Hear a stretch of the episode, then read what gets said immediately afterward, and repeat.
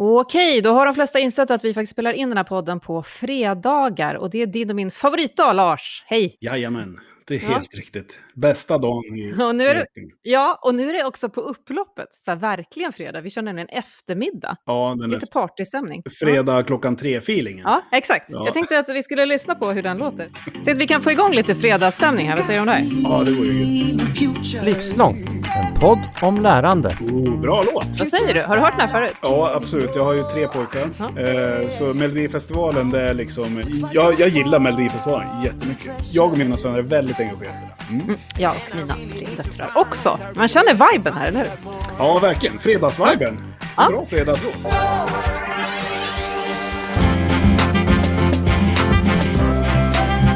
Riktigt härligt. Och det riktigt roliga är att vi ska prata med stjärnan här eh, bakom låten, men på två arenor bokstavligt talat. Det ska bli så spännande.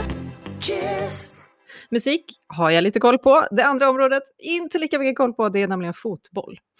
Du heter Lars Lingman, jag heter Katarina Pietrak och idag på scenen står Boris René. Hurra och välkommen!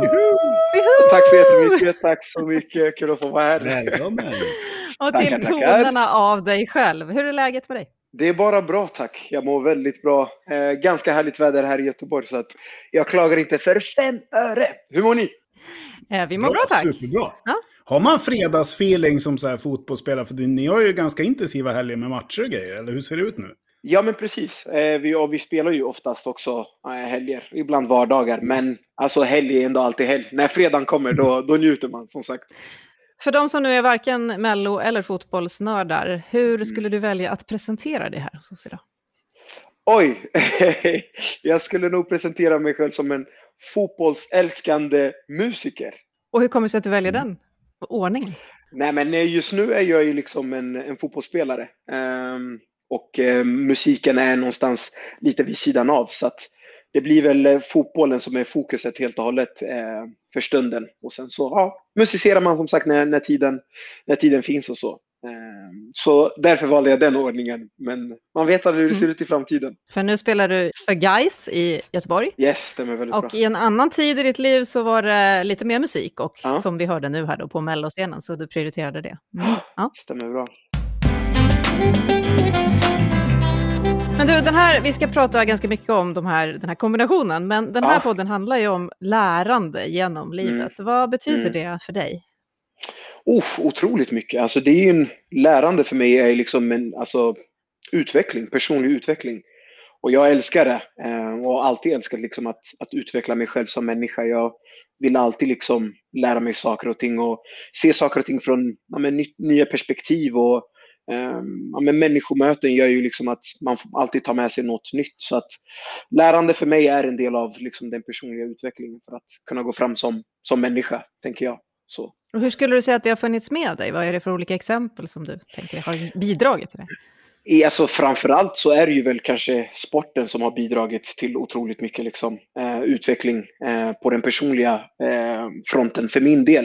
Eh, där man är i ett lag och du, du ska handskas med, med olika spelartyper, olika människor och även liksom i en grupp. Och, så att det blir hela tiden så här, men lära sig förstå hur nya människor funkar och ja, hur människor tänker. Alltså det blir ju som sagt, man tar hela tiden steg liksom i, i, i lärandet och jag lär mig otro, otroligt mycket om mig själv också, hur jag funkar i kombination liksom till, till andra människor. Så att um, det är ju framförallt där som det har varit liksom den största, vad ska man säga, den största biten som, jag, som har varit påtagligt så.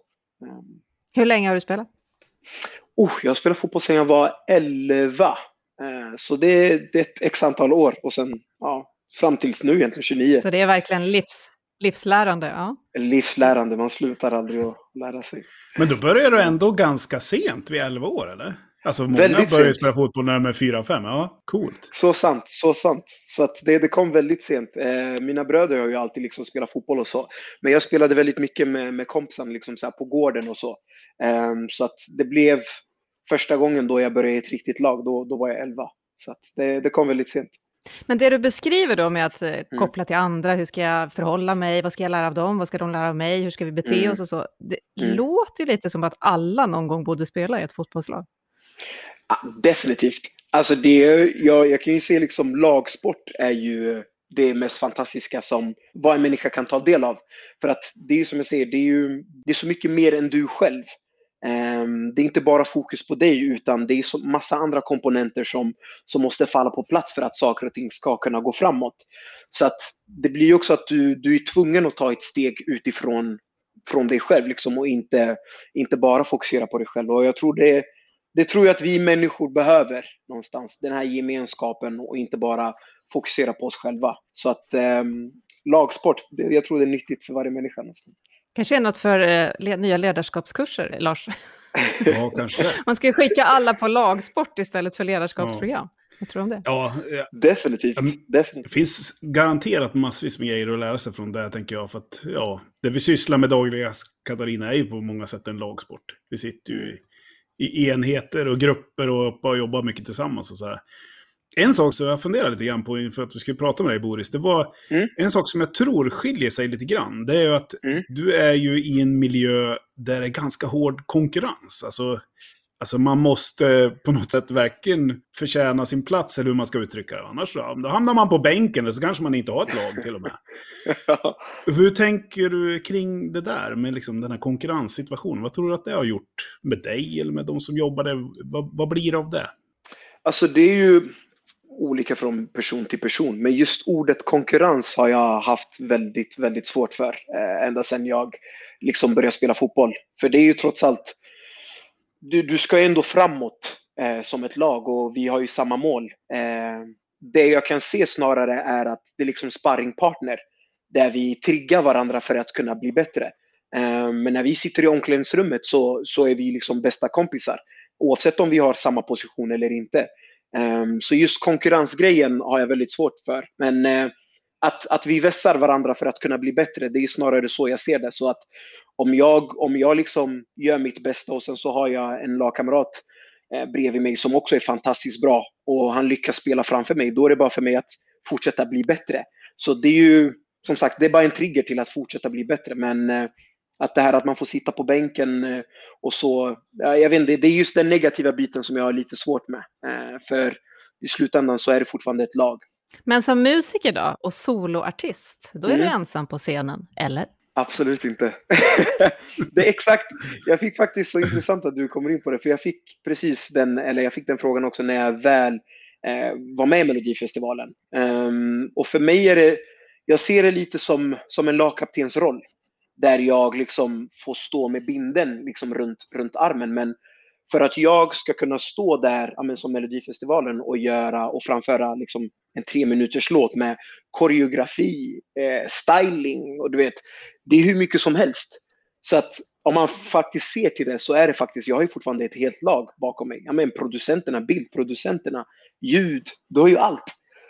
Så att det jag är bara lagkaptenen där, så att det, det, det är ett fotbollslag där också.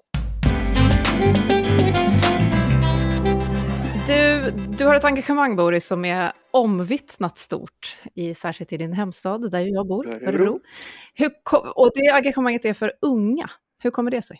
Nej, men alltså, man, har ju varit, man har varit ung en gång i tiden själv um, och har, har gått igenom liksom mycket, kommer från Vivalla från, från början.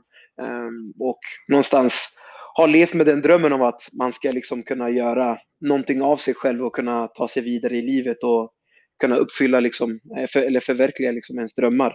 Så att, att ha gått den vägen och, och, och se liksom ungdomar som går den vägen idag um, och någonstans få finnas där och kanske ge dem, eller bolla tankar och um, bara stötta dem och, och ge dem den vägledningen som, som man själv har fått. Um, mm. det, det känner jag är, är något som, som liksom är, är väldigt kul eh, för man som sagt har varit där själv också. Så att det handlar om att, att ge tillbaka det man har fått. Och kanske ska säga att Vivalla är då en eh, förort, får vi väl säga, till Örebro, där kanske inte alla då har konstant känner det här hoppet och, och framtidstron. Men jag har ju sett dig med barn i skolmiljöer och du är verkligen alltid glad och du bjuder på dig själv så mycket mm. och de älskar dig. Mm. Vad är det med den där lärandemiljön som gör dig så där glad? Nej, men jag tror nog det är just, just det här att att kunna ge dem, ge dem det här liksom, den här glöden av att så här, allt, allt är möjligt. Eh, bara du vill försöka lära dig, bara du vill försöka liksom se, se världen och inte, inte fastna. Eh, för det är ju det, som sagt, där jag kommer ifrån i Vivalla, när jag växte upp så var det i alla fall väldigt mycket också så här, även om det fanns liksom otroligt mycket drömmar, men så kom liksom den här bekvämligheten eh, och många var kvar på grund av att man hade familj och vän och, och så. Men det jag försöker trycka liksom in i ungdomarnas huvuden, det är så här, fortsätt att ta för er, lär er och dra iväg. Alltså, dra iväg till andra ställen, samla på er erfarenhet, eh, se världen på något sätt.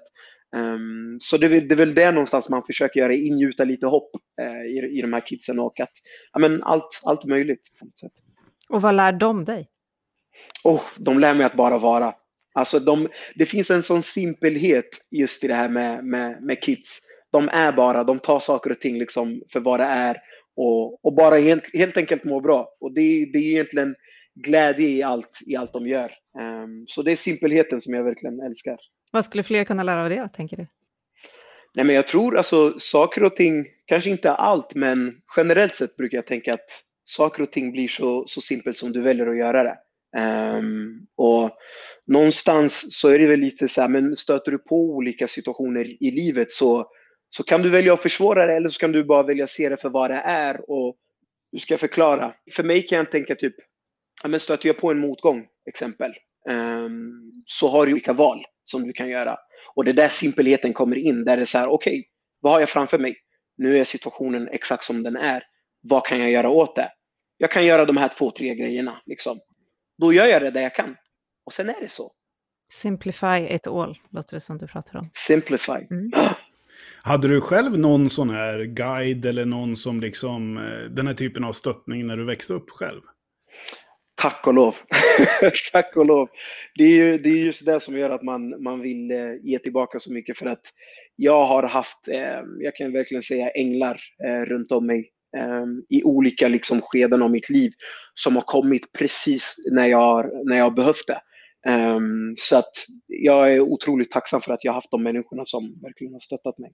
Och har det varit i skolan och mm. sådana som liksom finns runt där eller har det också varit i andra områden av livet?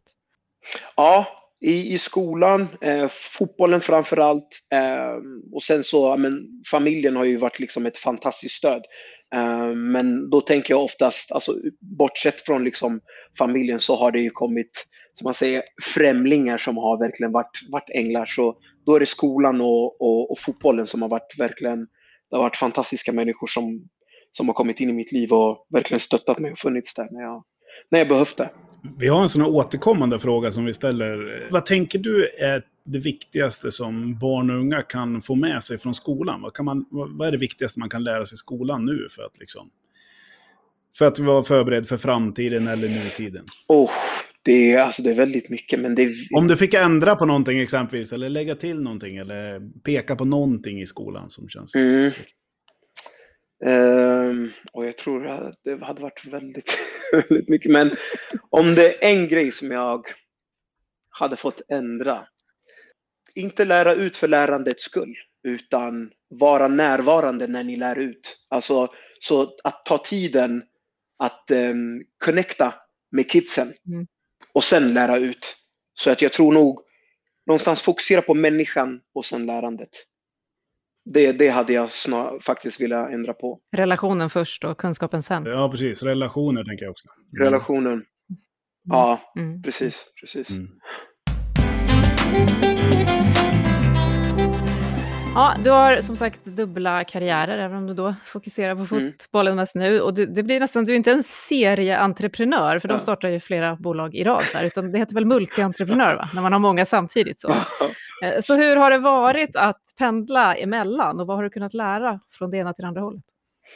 Nej, men det har varit alltså, otroligt kul. Ehm, det är ju, det är ju liksom två världar som är ändå ganska, ganska lika. Eh, jag har ju tagit med mig det som jag har lärt mig inom fotbollen, alltså in till musiken och kunna implementera i princip samma saker. Eh, där det är, liksom, det handlar om gruppdynamik och hur människor funkar och någonstans förstå liksom det här med att men kunna använda sig av varandras styrkor. Eh, så att det har funkat väldigt bra att hoppa mellan de två världarna, för de är, de är inte så olika. Det är väl, den största skillnaden är ju egentligen att ja, jag står med fotbollsskor på fotbollsplan och sen så står jag med mikrofon. Men allt, allt däremellan upplever jag i alla fall är otroligt lika. Så att det har bara varit en välsignelse att, att liksom få göra två saker och ting som, som man älskar. Vad har liksom kommit lättast till dig från de här två områdena? Vad har du, vilket område är det du har fått anstränga dig för att lära inom mest? Um, jag skulle väl säga fotbollen tror jag faktiskt. Um, för musiken är någonting som jag, ja, sen jag kan minnas så har det alltid liksom kommit naturligt på något sätt. Jag kommer ju liksom inte från en musikalisk familj där vi liksom har spelat instrument och så tidigare men jag minns när jag fyllde 21, 22 fick jag min första gitarr och satte mig liksom och verkligen ville lära mig. Um, trots att det var en, liksom en, en utmaning så, så föll det sig naturligt bara. Så att det blev inte att jag kämpade med det på samma sätt som jag kanske har kämpat med fotbollen. Så jag skulle nog säga att fotbollen är det som man har fått kämpa mest med och det mest naturliga är, är, är musiken på så sätt. Mm. Man ser ju din energi på scen också, så ser man att det är någonting som inte känns inte jättetillkämpat kan man säga. Nej, det där, det där jag är fri. Då, då är jag verkligen fri. Då, då får ni se Boris till fullo när jag är på scen. En sak som jag tänker på som finns närvarande i bägge de här två liksom, sfärerna, musiken och fotbollen, det är ju begreppet talang. Mm, just det. Hur tänker du om det begreppet? Um, det jag tänker är egentligen att du har alltså förutsättningar. Det ordet talang blir ju lite så här, men vad har du i dig naturligt? Lite så. Um, sen nu har det blivit så här, men är du talang då, då är du något liksom då är det något speciellt och då skiljer man på, på resten av människorna. Men för mig är det bara så här, men det är de förutsättningarna du liksom har, har fötts med. Och lite så som det kanske är för en själv som är musiker, att mina stämband är byggda på ett visst sätt, vilket tillåter mig att sjunga på, på det här sättet. Liksom så. Um, men jag är lite allergisk mot ordet också, talang. Um, för det kan skilja på, på folk och folk väldigt mycket. Liksom så. Du är verkligen en lagspelare i varje eh, por här, för du vill inte, det är inte konkurrens och det är inte talang, utan det är laget. Ja, men det, det blir ju alltså för vissa ord, även ordet alltså kändis, alltså vissa ord använder man det blir en sån negativ klang på det, eller har blivit det med senare år.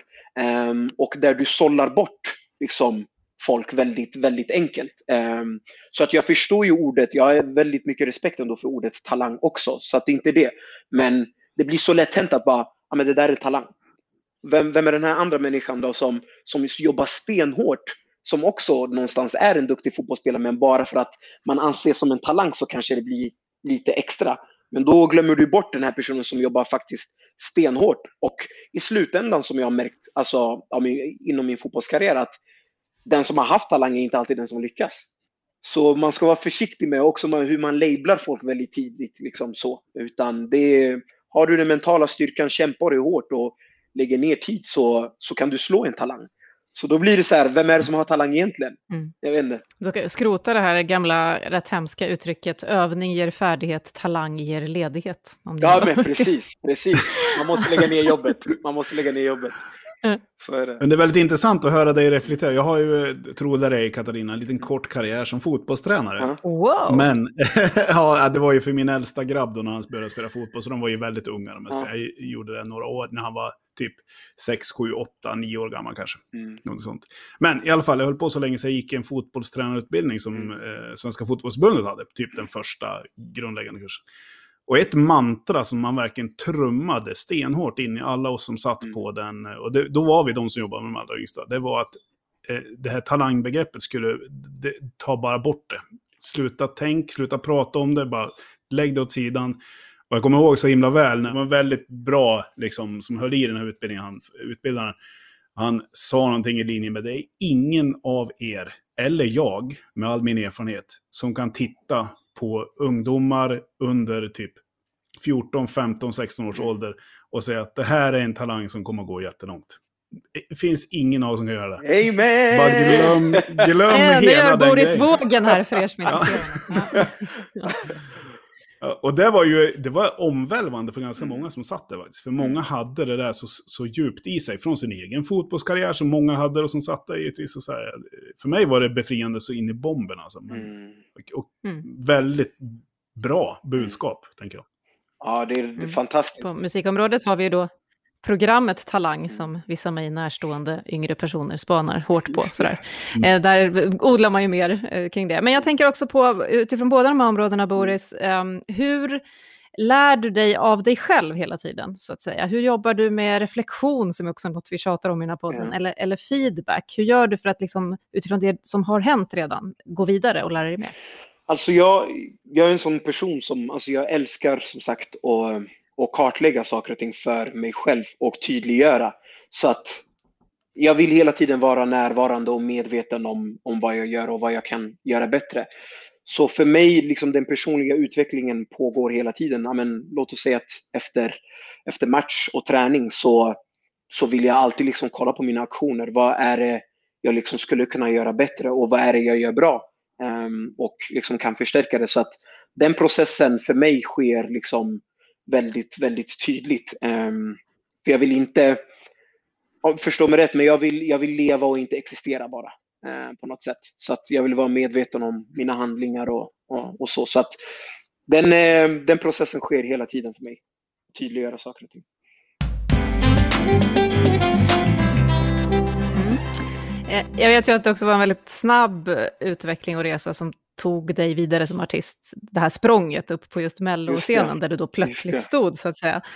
Och apropå talang och eh, hur, hur man värderar vad och så. Vad Mm. gjorde den resan med dig? Den har ju uppenbart inte gjort dig högfärdig, men vad har du gjort med dig? Nej, men det, alltså jag fick ju en sån otrolig ehm, skola eh, och respekt för, för musikbranschen alltså i sig och, och hur det funkar med liksom tv-produktioner och saker och ting som jag inte liksom hade, hade koll på över, överhuvudtaget. Och samtidigt också så fick jag alltså en enorm respekt för människorna som jobbar bakom. Som, som gör allt för att liksom det här vi sitter och tittar på och liksom kan kritisera, "Ah, men det här var ett dåligt program eller det var si och så.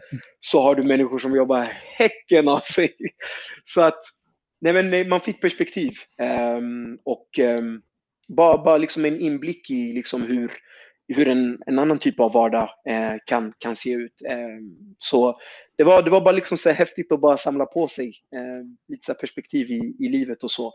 Ehm, men som sagt, som jag sa där också, en, en, en fantastisk skola där jag har fått lära mig själv, alltså väldigt mycket om mig själv, om hur jag är på scen och hur man liksom ska hantera ja, men, en publik. Just i det här med, med energin eh, och så. Jag är ju som sagt en väldigt energisk person på, på scen.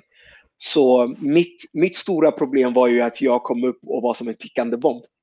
Så typ, när, när vi hade liksom så här repetitioner på Melodifestivalen, du vet, och så har man liksom med alla kameravinklar och så kommer jag upp och så här, äh, helt stissig och hur mycket energi som helst. Och då sa min koreograf det, men så här, du har energin, nu handlar det om att du ska lära dig hantera det och veta när du ska ge av dig själv och när du inte ska ge av dig själv. Ehm, så mycket sådana grejer som man inte hade koll på tidigare, det, det fick man lära sig där.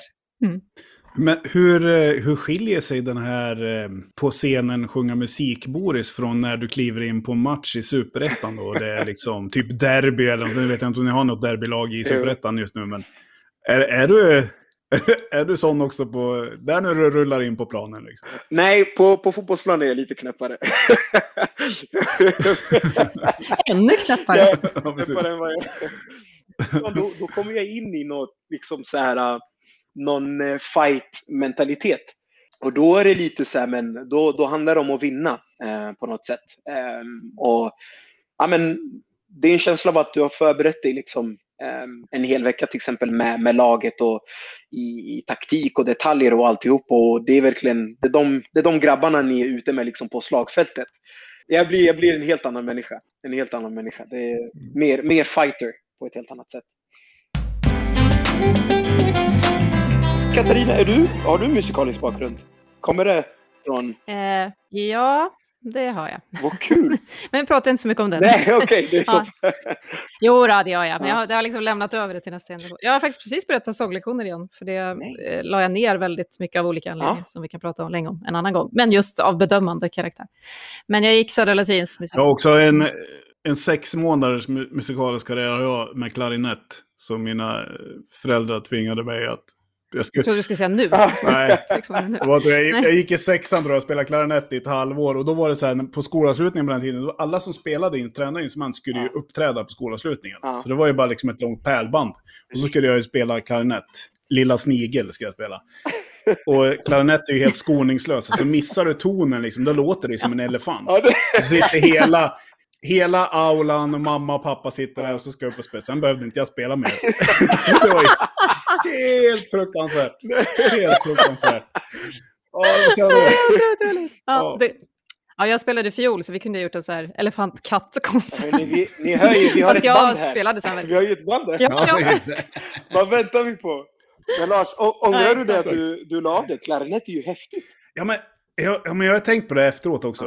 Eh, Egentligen är det där tillfället inte något... Jag, jag tror inte att jag kände mig så här jättepressad, stressad eller så. Mm, mm. Men det vart ju inte bra. Det lät ju skitdåligt liksom Ja. så här va. Ja. Och frågan är liksom, har det gjort att jag tänker att jag inte är musikalisk? Mm, Är du med? Ja, I don't know liksom. För där, där klippte jag av allt som hade med musik att göra. Liksom. Då bara, Just det. nej, det, är inte min grej.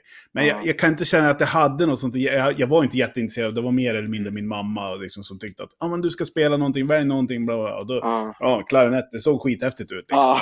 Eh, men eh, Ändå ja, det var ju sjukt svårt. Mm, Men så tror jag att det kan vara, för Mm. jag tror att, att eh, om man nu tänker rent genetiskt så tror jag att på min sida kommer det från Mm. min pappa. Mm. Men han höll, för, för inte, inte för så, och kanske min Mm. mormor i och för sig, men Mm. vi hoppade över den generationen. Men pappa höll Mm. aldrig på. Så han Mm. bara, jag kan inte, jag kan spela Blinka lilla stjärna på piano och jag kan inte Ja. sjunga. Och, så. och det var ju bara för att han aldrig hade hållit Just på. det. Alls. Just det. Mm. Ja, men det är ju musik. Det är, man, man måste hoppa in i det på något sätt. Det är ju så här skräcken också stå på Ja.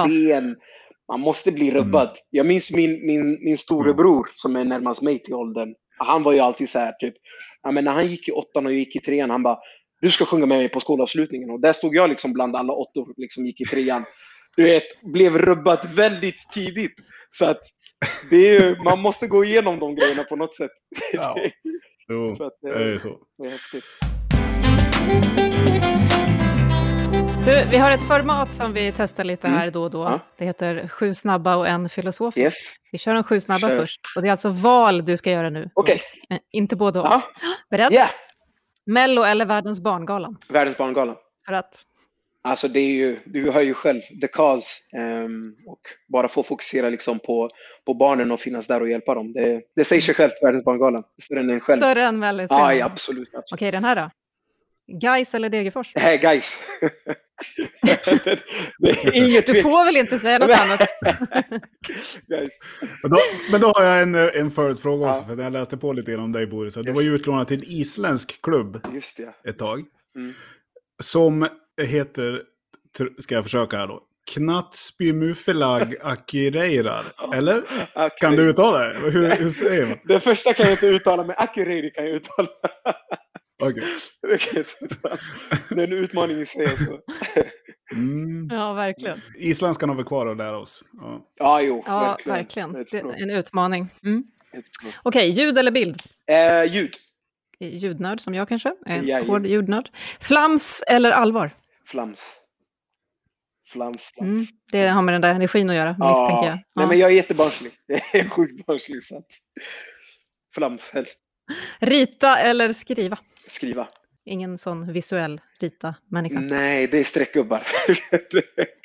jag kommer inte längre än så. Det är på min nivå också. Ja, Musik eller matematik? Ah, den är för lätt. Åh, den är alldeles för lätt. Matematik har Ja. jag inget att göra med kan jag säga. Oj, inget. Jag hörde det när jag sa det. Varför? Eh, lära av en lärare eller självlärd? Lära av en lärare. Du känner att du får mycket inspiration och får hjälp den vägen? Absolut. Eh, du sa ju att jag inte fick svara på, på båda, men eh, lära av en lärare. Okej, då går vi till den lite mer filosofiska då. Det här med som du har berättat så fint om eh, hur du vill ge tillbaka eller du vill ge barn, du ser i deras ögon, du vill fortsätta odla drömmen och så. hur mycket tror du att det påverkar dig Mm. som barn att få möta det när du är det, till skillnad från om du inte får det exempel? Oh, väldigt mycket. Otroligt. Alltså jag tror ju som sagt, det är ju det är som allt annat. Där du får när du är yngre så sätter det någonstans en grund för den personen som komma, som komma skall på något sätt.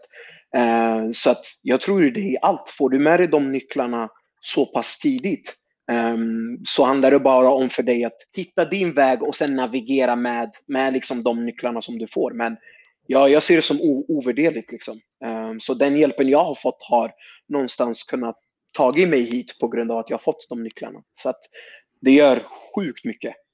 Sjukt mycket. Innan vi knyter ihop, eh, är det något mer Lars som du vill eh, fråga om eller lägga till? Eller typ? Nej, men jag tycker det är väldigt intressant att lyssna på dig Boris, när du pratar så mycket om relationer mm. och samarbete i, i fotbollen, men också kopplingen som är till din musikkarriär. Mm att du själv beskriver det som två nästan helt olika individer i, i de här två rollerna. Ja. Alltså när du sätter ord på vad, vad, du är på fotbollsplanen och vad du är på scenen så är det, det. två väldigt olika människor, men som, där de här två världarna ändå har mycket gemensamt i, i hur de fungerar. Och sådär. Mm, mm. Väldigt intressant eh, att höra dig eh, sätta ord på det där faktiskt. Ja. Och sen en sak som jag tycker också eh, är intressant med de här två vägarna som kanske sticker ut, vi var inne på det lite tidigare, att du mm. började sent med fotbollen och ännu senare med musiken mm. och ändå liksom har nått liksom riktigt, riktigt hög nivå. Mm. För jag, jag tänker att det är många som, som tänker att det är för sent eller nu är det så sjukt inom ungdomssporten. Liksom. Har du inte börjat när du är 5-6 då går det nästan inte liksom komma in i det. Liksom. Typiskt. Hur, hur, tänker du själv om det här att du har den här vad ska jag säga, sena starten? Liksom? Men... Ja, jag, brukar, jag är en liten sen människa. jag, är, jag är trögstartad på morgonen, du vet. Alltså. Så det tar ett tag för mig. Nej, men skämt åt sidan. Så jag, eh, häftigt att du nämner det, för det är ju också en grej som jag är alltså, otroligt tacksam över att saker och ting har kommit lite senare för mig också för att jag har kunnat hantera det på ett helt annat sätt och då har man varit redo eh, för det. Så att tar vi musiken som ett exempel. Jag är jätteglad att jag kanske inte fick ett, så, ett litet mindre genombrott när jag var 15, 16, 17, 18. Um, för det, det sker otroligt mycket som man, som man liksom bara säger oj, jag är så tacksam för att jag är äldre. Um, och det är, ja, men, musikbranschen till exempel, det är lite så som vi pratar om att där jag har en syn av att det är väldigt mycket lagsamarbete, men när du kommer dit så är det väldigt mycket fokus på dig. Och det pekar liksom mot dig oavsett hur mycket du än liksom bara, men det finns folk runt omkring så är det bara, fast det är bara du. Och sen när helt plötsligt liksom lamporna slocknar, ja, då är det bara du som står kvar där. Du vet, så det är mycket så som man får hantera nu när man är äldre och mm. förstår sig på och framförallt kan ha en distans till saker och ting. Um, det är jag tacksam över att det har tagit så lång tid. Um, så att man, man kan hantera det på ett helt annat sätt. Så att den sena starten är väldigt skön. Den här närvaron som du pratade om var viktig för dig, den känner vi ju här också, bara över internet. Ja, så. Eh, och det låter som att du har lyckats eh, behålla den, fast du har splittrat dig i två karriärer, mm. som ju säkert många skulle säga att det, då är man inte mästare på någon. Men det har du uppenbart visat att man kan vara så. Men hur känner du själv? Har du kunnat vara närvarande? Absolut, absolut. Um, jag personligen är en sån människa som, som sätter det också lite tydligt i, i, i sitt fack. Uh, så att men nu när fotbollen har liksom den, den största platsen, då är fotbollen liksom först och sen så musiken lite vid sidan av. Och då kan jag liksom sitta och producera lite. Så att, um, och det gör att jag kan vara liksom närvarande då. Um, och försöker inte ha båda fötterna liksom på, på de olika plattformarna. Så, um, så att det, det hjälper mig att kunna vara närvarande. En sak i taget. Här har det i alla fall gått strålande med närvaron tycker jag. Enormt stort tack Boris René. Och vad var det nu då? Musicerande fotbollsspelare? Jajamensan. En sak i taget, men det är aldrig för sent. Det är aldrig för sent. Aldrig för sent. Så länge man har kul framförallt. Det är, det är det jag brukar säga. Njut, njut av det du gör och jag tror att ja, men det är så här, fokuserar man på det roliga så faller allt annat liksom på, på plats. Så kul att höra. Stort tack. Tack så mycket för att Tack så mycket. Hej då. Hej då.